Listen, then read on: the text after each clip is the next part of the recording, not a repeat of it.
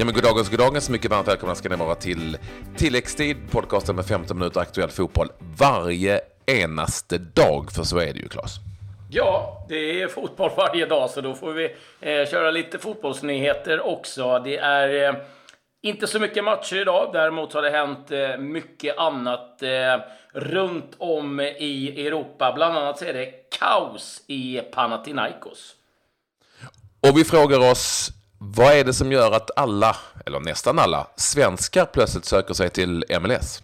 Och så undrar vi var hamnar Oskar Lewicki någonstans? Det är stora frågor att ta tag i. Eh, jag tror inte att eh, vår gäst kan svara på var Lewicki hamnar någonstans, för det tror ingen vet just nu. Det är många klubbar. jag tror inte Lewicki själv vet det.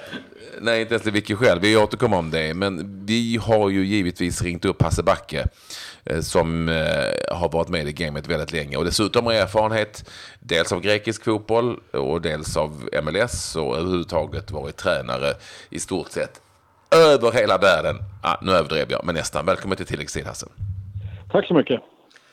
Ja du Hasse, om, om vi börjar eh, i Panathinaikos. Är du förvånad över att det är eh, strul och kaos i den här klubben? Ja, mycket förvånad. För att eh, Eh, ser man till att de tre stora, Olympiakos, AIK Aten, Panathinaikos, det är de som brukar sköta sig. Där brukar det vara klanderfritt jag har läst lite om icke utbetalda löner och så vidare. Sen att alla tre klubbar sparkar tränare, det är ganska normalt. Men de brukar sköta löneutbetalningarna väldigt bra, de här tre klubbarna. Eh, och vad det handlar om här alltså, det är ju att eh, det skrivs väldigt mycket om Panathinaikos som vanligt i Grekland, men nu framförallt om ett, att det går så himla dåligt. De är tia i ligan just nu, 18 poäng. Olympiakos leder på 32 efter eh, 15 omgångar. Men också att eh, man riskerar en spelarflykt sedan eh, det är problem med löneutbetalningar. Vi har sökt några av de svenska spelarna i laget men inte fått någon kontakt, Klas, egentligen. Och det säger väl en hel del, det vill säga man vill inte gärna vara med. Det, det kan vara ett tecken på att det inte är som det borde vara om man inte gärna vill säga någonting. Däremot alltså Hasse, du var ju Panathinaikos, inte särskilt länge men du var ju ändå i klubben. Däremot är det väl ändå relativt underligt dessutom att det går så dåligt för dem med tanke på vilka resurser de har. Ja, det är ovanligt. De har ju bytt ägare. Det var ju en som heter Janis Vardinojannis som hade klubben eller familjen i många, många, många år och sen har det kommit nya ägare och men normalt så finns det ekonomiska resurser och normalt så är Panathinaikos topp tre och är med och utmanar konstant varje, varje år. Så ska det vara. Orsaken till det, ja, det, så noga har jag inte följt Panathinaikos Nej. den sista tiden. Men att, de, eh, att det är ett katastrofår år för dem, det är ingen tvekan om. Och det är klart att när du nämner att du inte får tag i, i spelare så är det ju en ganska tuff, eh, ska vi kalla det, utanför bild, huliganer med mera som man man är nog ganska klar på att man ska passa sig jäkligt noga innan man uttalar sig för mycket om klubben. Vad, vad gör det här för klubben och allting runt om eh, nu när det går dåligt på plan och uppenbarligen vid sidan av? Jag vet inte riktigt idag. Vi hade ju en situation som eh, var lite ny för mig. Det var ju att vi skulle spela en Uefa Cup-match. Och det hade ju varit totalt kaos tidigare fighter så Uefa flyttade oss 30 mil från Aten till en ö som heter Patra tror jag det var. Och, eh, vi mötte ett lag från Ukraina, hade 1-1 när det var fem minuter kvar och sen bröt ju helvetet löst. Va? Det var ju, hela arenan brann ju. Det var väl 25-30 000 på den där fighten som ändå hade tagit sig dit då. Det var ju bara att lämna arenan, springa ner och gömma sig i omklädningsrum och sen mer eller mindre ha militärtransport därifrån där man placerade ut oss på olika hotell. Va? Det gick inte att resa tillbaka till träningsanläggningen utan man placerade ut en tre, fyra på, på massa olika hotell tills allt var klart. Då. Så att eh, det, det, är ju väldigt speciellt på det viset. Men eh, det är klart man måste ha misslyckats med eh, värvningsfrågorna. Eh, eh det är väl ingen tvekan om det för att laget, det finns resurser. Eh, kan du berätta lite om din tränarperiod där i Panathinaikos för de som inte har hundra koll? Ja, det, var, det blev väl inte mer än tre och en halv, fyra månader. Eh, och, eh, men ändå trivdes jäkligt bra med spelarna. Det var liksom inga som helst problem. Fungerade hur bra som helst. Eh, vad det gäller träning och matcher och allt vad disciplin och vad det kan heta. Sen är det väl som så att i alla fall då, jag vet inte hur det är i alla andra grekiska klubbar, men det är som att ägaren omger sig med så kallade rådgivare och det upplevde jag liksom att rådgivarna var mer eller mindre överlevare egentligen som mm. säkert hade ganska bra betalt. Och det var ju då jag lärde mig liksom att man måste ha direktkontakt med ägaren som, som tränare. Att gå via rådgivare, det var inte speciellt bra för hade du ingen bra relation med dem så kunde de ju i och för sig bara baktala det via direkt till ägaren då. Så det var ju en sak som jag lärde mig definitivt i Grekland då. Så att känslan är att ägarna inte vill synas så mycket och sen omger, omger man sig med ett antal rådgivare som eh, ska informera i sin tur ägaren. Alltså du, du har ju, som Patrik var inne på, varit runt eh, världen över och, och tränat klubbar. Om du skulle sätta liksom ord på hur, stort är, hur stor är Panathinaikos som klubb och hur stort är intresset om man jämför med andra klubbar och, och som du har upplevt runt om?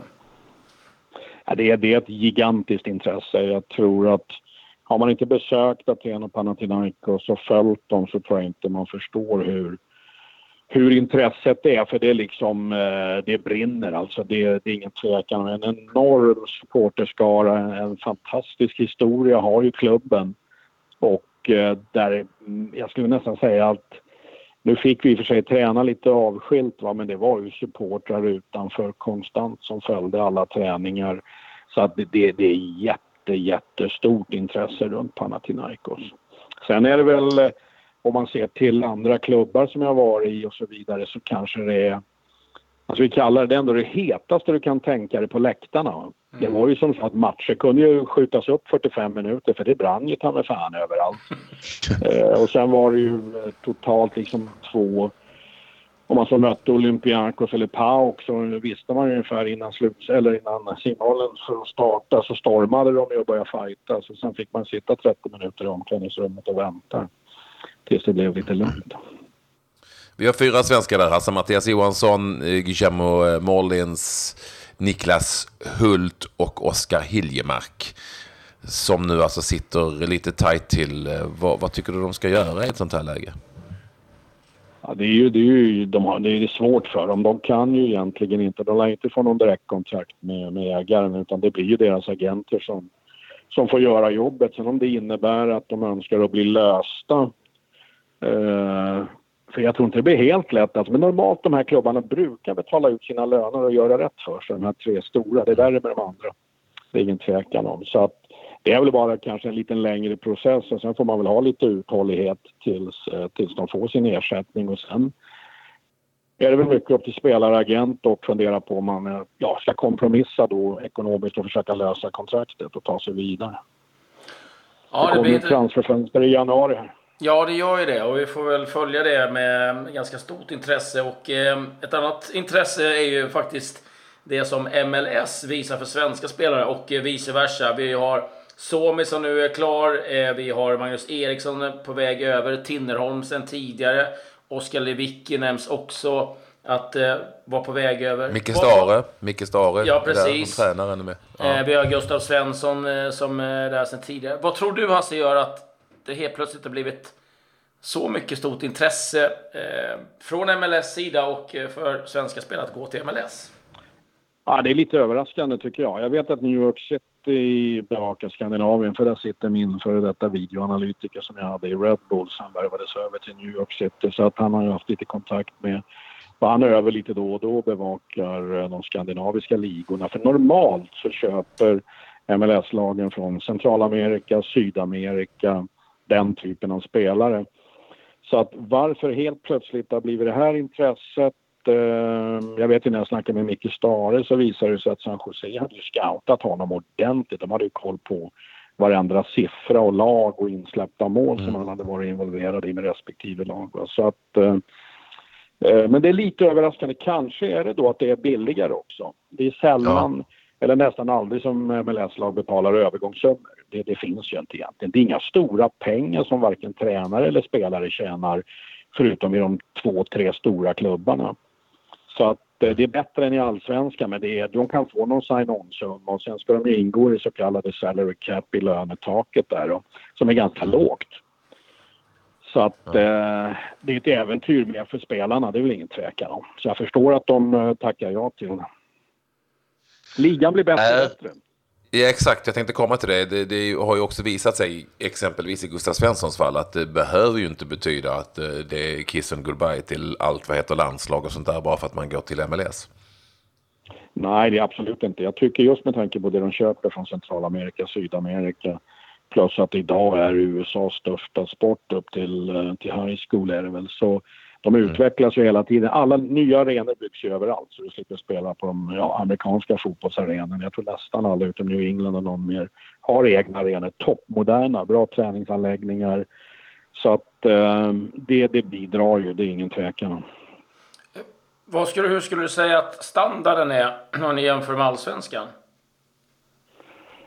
Ja, den är jättesvår. Det är fortfarande så här att det är sån skillnad. Jag ska inte säga att det är ytterligheter, men MLS är en fysisk liga och det ser du när du ska liksom antingen trada eller plocka på draften spelare så väljer de amerikanska coacherna de fysiska spelarna, atleterna, de går alltid först ungefär nummer ett till nummer 15. Man har liksom inte så riktigt koll på vad vi skulle bedöma, det här är en riktigt bra fotbollsspelare säger vi, utan de går på atleter fortfarande. Så att mm. eh, man kan göra bra fynd på draften eh, om man kommer från Europa, det är helt säkert. Intressant alltså, och vi ska säga att Magnus Eriksson då är inte helt klart nu. Där talas det dessutom om en övergångssumma till San Jose Earthquakes på cirka 12 miljoner svenska kronor. Det är ju inga supersummor egentligen, men det är ändå en övergångssumma där som du pratar om. Gabriel Somi är eh, kontraktslös eller så att går som bossman. Eh, och vilken klubb är det han hamnar i nu, Claes? Har du koll på det? Det, är, det var New England. New England, ja. New England Revolution heter de. Han spelar, han spelar på taskigt konstgräs också. Mm, men det är han van vid. Det är han van vid, vet du. Han spelar i Östersund, så det, det är varmare om ett annat. Ja, det, det är det. Ja, ja inte det, hörru. Ja, Där, alltså, den saken. Ja, det kan man kallt. Det kan vara kallt. Alltid intressant att höra dina synpunkter och eh, inte minst i de här bägge fallen där du har eh, stor och bred erfarenhet, precis som vanligt. Nu får du ta det soft i eh, decemberkvällen och ladda för eh, ännu en dag med eh, lite fotboll och möjligtvis lite ur och skur dagis. Ingen aning. Så blir det. Det får bli vad det, det blir. Kommer man ja, inte det blir det. det kommer man inte undan. Helt säkert. Det Två dagar till. Tack. ja, tack så mycket för att du ville vara med oss. tack, tack Hasse. Hej, tack Hasse. Tack, hej. hej. Hasse Backe alltså numera kanske främst känd som eh, expertkommentator i, i alla tv-kanaler. Men, ja, ja, han, han, han, han, han, går över alla kanaler. Det, det är starkt. Han går över alla kanaler, ja. Men också väldigt, väldigt bred erfarenhet som tränare och förbundskapten. Eh, har han ju varit också assisterande förbundskapten till exempelvis för Mexiko. Så är det. Eh, vi har ju lite live-fotboll att rapportera om också. Ja, det var matcher i eh, Premier League och La Liga framför allt. Det var även några matcher i turkiska ligan. Everton mot eh, Swansea och det blev en ny seger för Everton har faktiskt inte förlorat sen eh, Sam Allardyce blev ny manager för Everton. Det blev en 3-1-seger för Everton där Calvert Lewin, Sigurdsson och Wayne Rooney gjorde målen. Tungt för Martin Olsson. Det var en feldömd straff. Eh, han eh, fällde Everton-spelaren utanför straffområdet, men domaren eh, pekade på straffpunkten och den eh, kunde då Wayne Rooney förvalta. Gjort sitt tionde mål den här säsongen. Wayne Rooney. Swansea rejält indraget i bottenstriden nu. La Liga. Mm, mm. Kan vi bara... Kan dra. Real Betis ja. besegrade Malaga borta med 2-0. Um, Sergio Leon och Victor Camarasa gjorde målen för Real Betis. Uh, så det med det. Uh, förlust för Malaga hemma alltså. Real Betis tog den segern. Och så lite snabbt då. Eh, Görstepe mot Konjaspor. Det blev seger för Görstepe. Där var Karlgren på bänken för Konjaspor. Förlust eh, för deras del. Fenerbahce besegrade Karabukspor med 2-0. Mer att rapportera ifrån Turkiet att eh, Galatasaray har sparkat Igor Tudor. det har inte gått så bra för eh, Igor Tudor åkte ju först ut i kvalet mot Östersund och nu eh, fick han då lämna jobbet som tränare för Galatasaray. Vi sa inledningsvis, hur går det för Oskar Lewicki egentligen? Ja, jag vet inte. Det är jakt på en ny klubb. Det är möjligt att han har någon säker på gång men nu sägs det vara nej från Lega Warszawa åt något håll. Åtminstone så är det någon som tackar nej och eh, jag vet inte om det blir någonting med Brönnby där det var snack om tidigare. Och sen har det varit lite MLS-prat kring Lewicki också. Han vill iväg. Åtminstone. Ja, sen var det väl någon klubb i Israel också som eh, var på tapeten. Så att det verkar finnas en hel del att eh, välja på. Samtidigt ska jag tänka mig att Malmö nog är ganska intresserade av att ha kvar eh, Lewicki. Vi får väl se lite vad som eh, händer där. I övrigt så är det lite övergångar. Vi eh, har ju klart då med Jonathan Ring för Djurgården.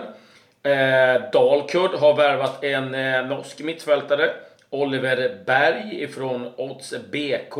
Och sen har eh, Filippe Carvalho eh, gått andra vägen. Han har lämnat Malmö FF och har skrivit på för Vålerengen. Och blickar vi lite mm. utåt i Europa så kan vi eh, konstatera att eh, Javier Mascherano kommer att eh, spela i Kina framöver. Hebei Fortune, tvåårskontrakt, 10 miljoner euro.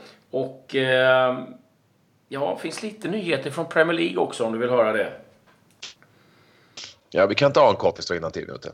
Ja, eh, Jason Punchen eh, har hamnat i trubbel. Arresterad för slagsmål utanför eh, en nattklubb och innehav av vapen. Så det betyder att han kommer att få ja, träffa ja, polisen och annat framöver. Crystal Palace spelaren Jason Punchen lagkapten för Crystal Palace. Så att, eh, ja, när de äntligen vinner då, då ser lagkaptenen till att de hamnar i trubbel på ett eller annat sätt ändå. Det var tilläggstid eh, denna tisdag. Hoppas ni är med oss i fortsättningen av veckan. Vi kör ju hela julhelgen och så, så ni behöver inte oroa er för det. Vi är med er alltid. Adjö, adjö.